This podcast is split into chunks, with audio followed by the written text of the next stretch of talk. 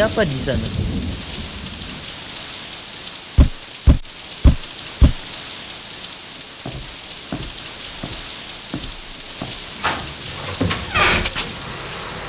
Selamat siang, Tuan.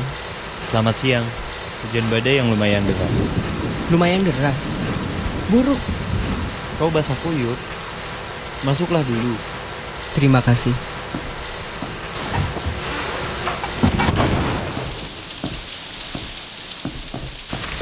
Berdirilah di sini dekat perapian.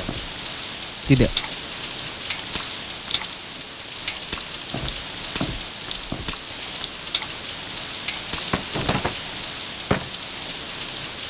Sudahkah saya, Tuan, memiliki kehormatan untuk dikunjungi oleh Dewa yang Agung Jupiter Tonans?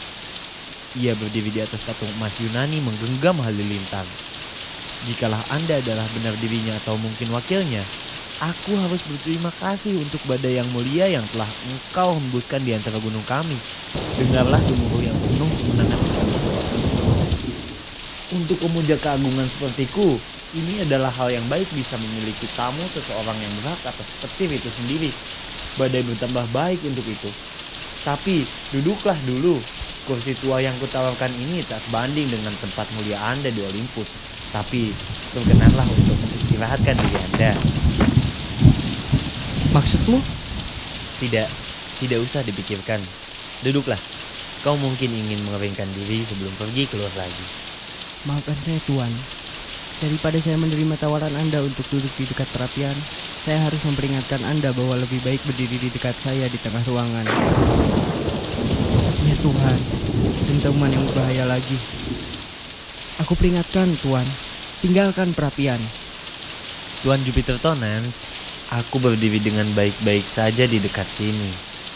Apa Anda tidak tahu kalau tempat paling berbahaya di rumah saat badai yang buruk seperti ini adalah di dekat perapian?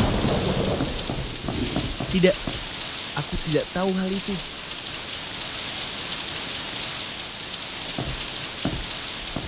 Ayolah, demi Tuhan, beranjak dari perapian. Tidak tahukah Anda kalau udara yang panas dan berjalaga merupakan penghantar? Belum lagi meja berkaki besi itu. Tinggalkan tempat itu. Aku minta dengan sangat. Aku perintahkan kau. Tuan Jupiter Tonans, saya tak biasa diperintah-perintah di rumah saya sendiri. Mengapa Anda tetap memaksakan nama pagan itu untuk saya? Ejekan Anda itu tak bisa mengusir bahaya yang sedang berlangsung.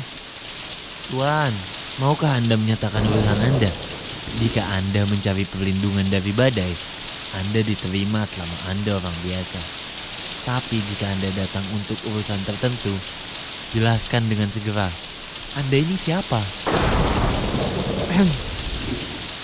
Saya penjual tongkat penangkal petir. Urusan khusus saya adalah Astaga. Apakah Anda pernah tersambar? Alasan Anda? Maksudnya? Tidak. Untunglah. Meski begitu, lebih baik bersiap-siap. Alam tidak menyediakan perlindungan untuk hujan petir. Belum. Tapi katakan sajalah kalau aku bisa membuatkan untuk pondok ini sebuah benteng Gibraltar dengan hanya beberapa alunan tongkat ini. Dengar? Kau memotong perkataanmu tadi. Urusan khusus yang tadi akan kau jelaskan. Tugas saya adalah untuk menjelajahi negeri dan mengurusi permintaan akan tongkat penangkal petir. Ini adalah contoh tongkat buatan saya. Saya memiliki banyak pengalaman. Bulan lalu di Krigan, saya memasang 3-20 tongkat hanya untuk lima bangunan. Bukankah minggu lalu di Krigan? Hari Sabtu kalau tidak salah. Menara gereja, pohon elm di tengah desa, dan kubah balai desa. Semuanya tersambar. Apa ada tongkat buatanmu yang dipasang di tempat-tempat itu? Tidak di pohon atau di kubah balai desa, tapi di menara gereja iya. Apa kegunaan tongkatmu kalau begitu? Untuk apa? Kenapa, Tuan? Ini bisa jadi urusan tentang hidup dan mati. Sayangnya, terkadang pekerja saya kurang peduli. Saat memasang tongkat-tongkat itu di menara gereja, mereka memasang bagian logam terlalu dekat dengan terpal timah sampai menggeseknya. Begitulah kejadiannya. Bukan salah saya, tapi salah mereka. Dengar, Suara petir tadi cukup keras dan dapat didengar tanpa perlu ditunjuk. Terima kasih. Eh, kau dengar kejadian di Montreal tahun lalu? Seorang wanita tersambar di tempat tidur sambil memegang rosario di tangannya. Apa kau sudah merentangkan usahamu sampai Kanada? Belum. Dan saya dengar di sana hanya tongkat besi yang mereka gunakan. Mereka seharusnya menggunakan tongkat saya yang dibuat dari tembaga. Besi mudah melebur. Tongkatnya akan menjadi tipis dan tidak lagi memiliki kemampuan yang cukup untuk menyalurkan arus listrik. Logamnya mencair dan bangunan hancur. Tongkat tembaga saya tidak seperti itu. Orang-orang Kanada itu bodoh. Beberapa dari mereka menempatkan tongkatnya terlalu tinggi dan bisa beresiko menimbulkan ledakan yang berbahaya. Bukannya secara tidak langsung membawa arus listrik ke tanah, seperti yang tongkat saya lakukan. Tongkat saya hanyalah satu-satunya yang sejati. Lihatlah, hanya satu dolar untuk setiap kaki. Penjelasanmu yang menjelek-jelekan tadi malah bisa membuat seseorang tidak percaya dan kehilangan rasa hormat atas dirimu. Dengar, petirnya tak semenggerutu tadi. Ia mendekati kita, mendekati bumi juga. Dengarlah, semakin kecil suaranya namun semakin menimbulkan getaran. Berarti ia semakin dekat. Kilatan yang lain. Dentuman lagi.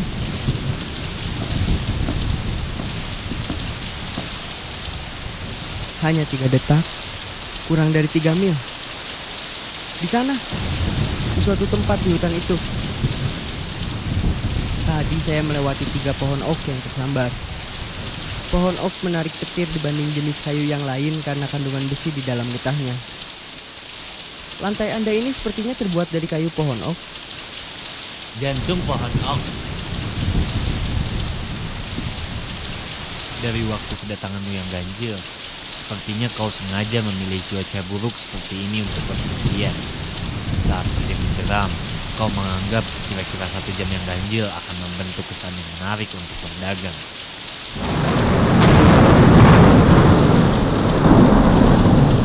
Dengarlah, buruk sekali. Ya, sangat buruk. Mungkin kita harus merabatkan diri dan berpelukan untuk keselamatan. Ejek saja jika perlu. Tapi jika seorang sudah pernah melihat sesuatu seperti yang saya lihat, mengerti akan kematian yang tragis dan kehancuran yang dapat dibawa oleh alam, seseorang akan melangkah dengan lebih hati-hati. Tapi, sementara laki-laki biasa memilih cuaca yang cerah untuk bepergian, kau memilih hujan petir. Ya, saya bepergian saat hujan petir. Tapi tidak dengan pencegahan biasa seperti halnya seorang penjual tongkat penangkal petir harus tahu. Dengarlah. Cepat, lihat tongkat buatanku.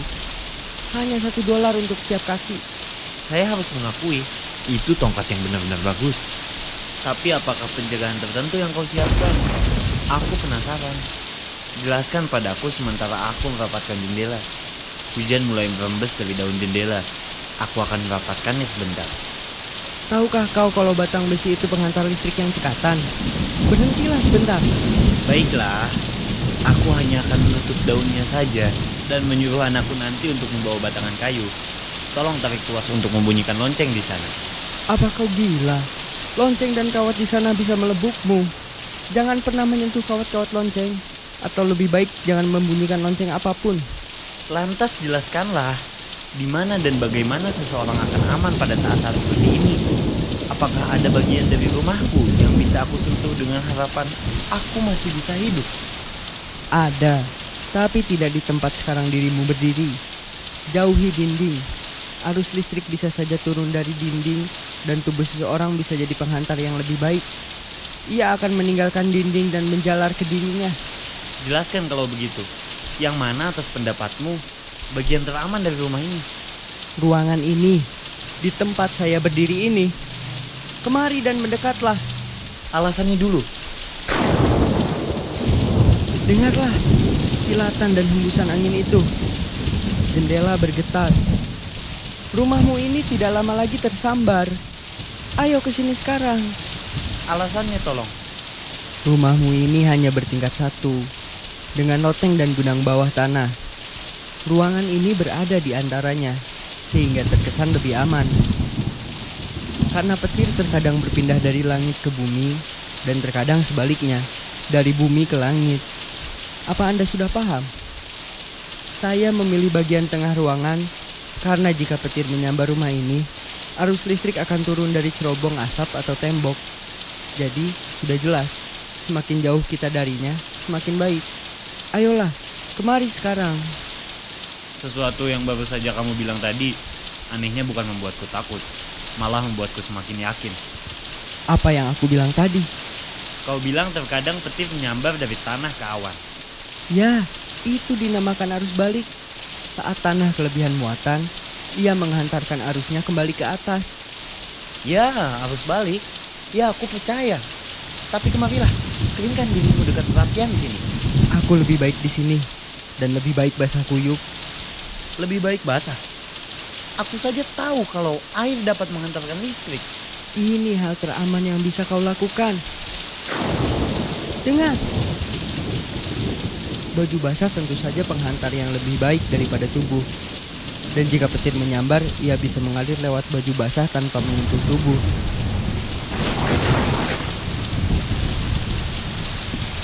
Badai bertambah buruk. Apa kau punya karpet atau tembikar? Mereka tidak akan menghantarkan listrik. Ambil dan hamparkan di ruangan ini. Langit mulai gelap. Sebentar lagi malam. Dengar. Karpet atau tembikar? Mana? Sekarang, sementara kebodohan kita tak akan membantu, biarkan aku mendengar cerita perjalananmu saat petir. Tunggu sampai badai ini selesai. Terlalu lama. Ceritakan perjalananmu. Lagi pula, kau bilang kau berada di tempat yang paling aman. Ayolah. Kalau kau memaksa. Aku menghindari pohon pinus. Rumah-rumah dengan atap yang tinggi. Lumbung padi. Dataran tinggi. Sungai. Kawanan hewan ternak semacam sapi. Dan terutama domba yang bulunya sedang lebat-lebatnya.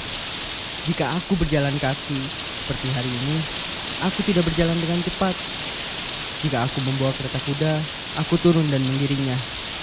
Tapi yang paling utama, aku menghindari laki-laki tinggi. Apa aku tidak salah dengar? Seseorang menghindari orang lain. Di dalam keadaan yang berbahaya. Aku menghindari laki-laki tinggi saat badai petir. Apa Anda tidak peduli dan tidak tahu kalau seorang laki-laki dengan tinggi enam kaki mampu mengalirkan arus listrik dari awan mendung di atas kepalanya? Amankah jika seorang petani dari Kentucky yang sedang membajak sawah menempatkan dirinya di dalam parit? Tidak jika tingginya enam kaki dan sedang berdiri di atas saluran irigasi yang mengalir. Langit bisa memilihnya kapan saja. Dengar. Tuan, Anda telah menahan saya terlalu lama untuk menjawab pertanyaan-pertanyaan tadi hingga saya lupa urusan bisnis. Maukah Anda membeli salah satu tongkat buatan saya? Lihatlah contoh yang saya bawa ini. Lihat, ini adalah jenis tembaga paling bagus. Tembaga adalah penghantar paling baik. Rumah Anda mungkin rendah dan landai, tapi rumah Anda dibangun di atas gunung, dan itu tidak menjanjikan rumah Anda aman dari mara bahaya. Anda yang tinggal di atas gunung adalah yang paling terancam. Di negeri yang banyak gunung, orang yang menjual penangkal petir haruslah orang yang paling dicari. Lihatlah contoh tongkat saya ini, Tuan. Satu tongkat sudah cukup untuk pondok yang kecil seperti ini. Pikirkan baik-baik anjuran saya ini. Hanya satu tongkat, Tuan. Biayanya hanya 20 dolar.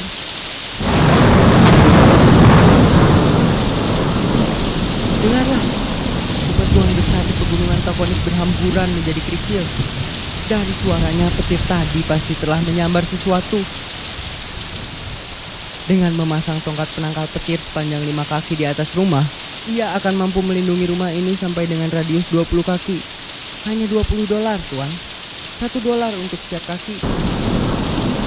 Dengarlah, mengerikan sekali. Maukah Anda memesannya? Membelinya? Bolehkah saya mencatat nama Anda? Bayangkan Anda menjadi setempuk jeruan yang hangus, seperti kuda yang terbakar di kandangnya sendiri. Dan itu semua hanya terjadi dalam satu kilatan saja. Kau berpura-pura menjadi utusan istimewa yang seakan-akan melayani dan berkuasa penuh atas nama Jupiter Tonans. Kau tak lebih dari seorang manusia biasa yang datang kemari untuk menempatkan dirimu dan tangan kurusmu di antara tanah dan langit. Apa kau pikir karena kau bisa menemukan sedikit cahaya hijau dari sebuah botol Leiden, kau merasa bisa menangkal gemuruh di angkasa? Tongkatmu berkarat, atau suatu saat patah. Kau bisa apa? Siapa yang memberimu kuasa, Tetzel?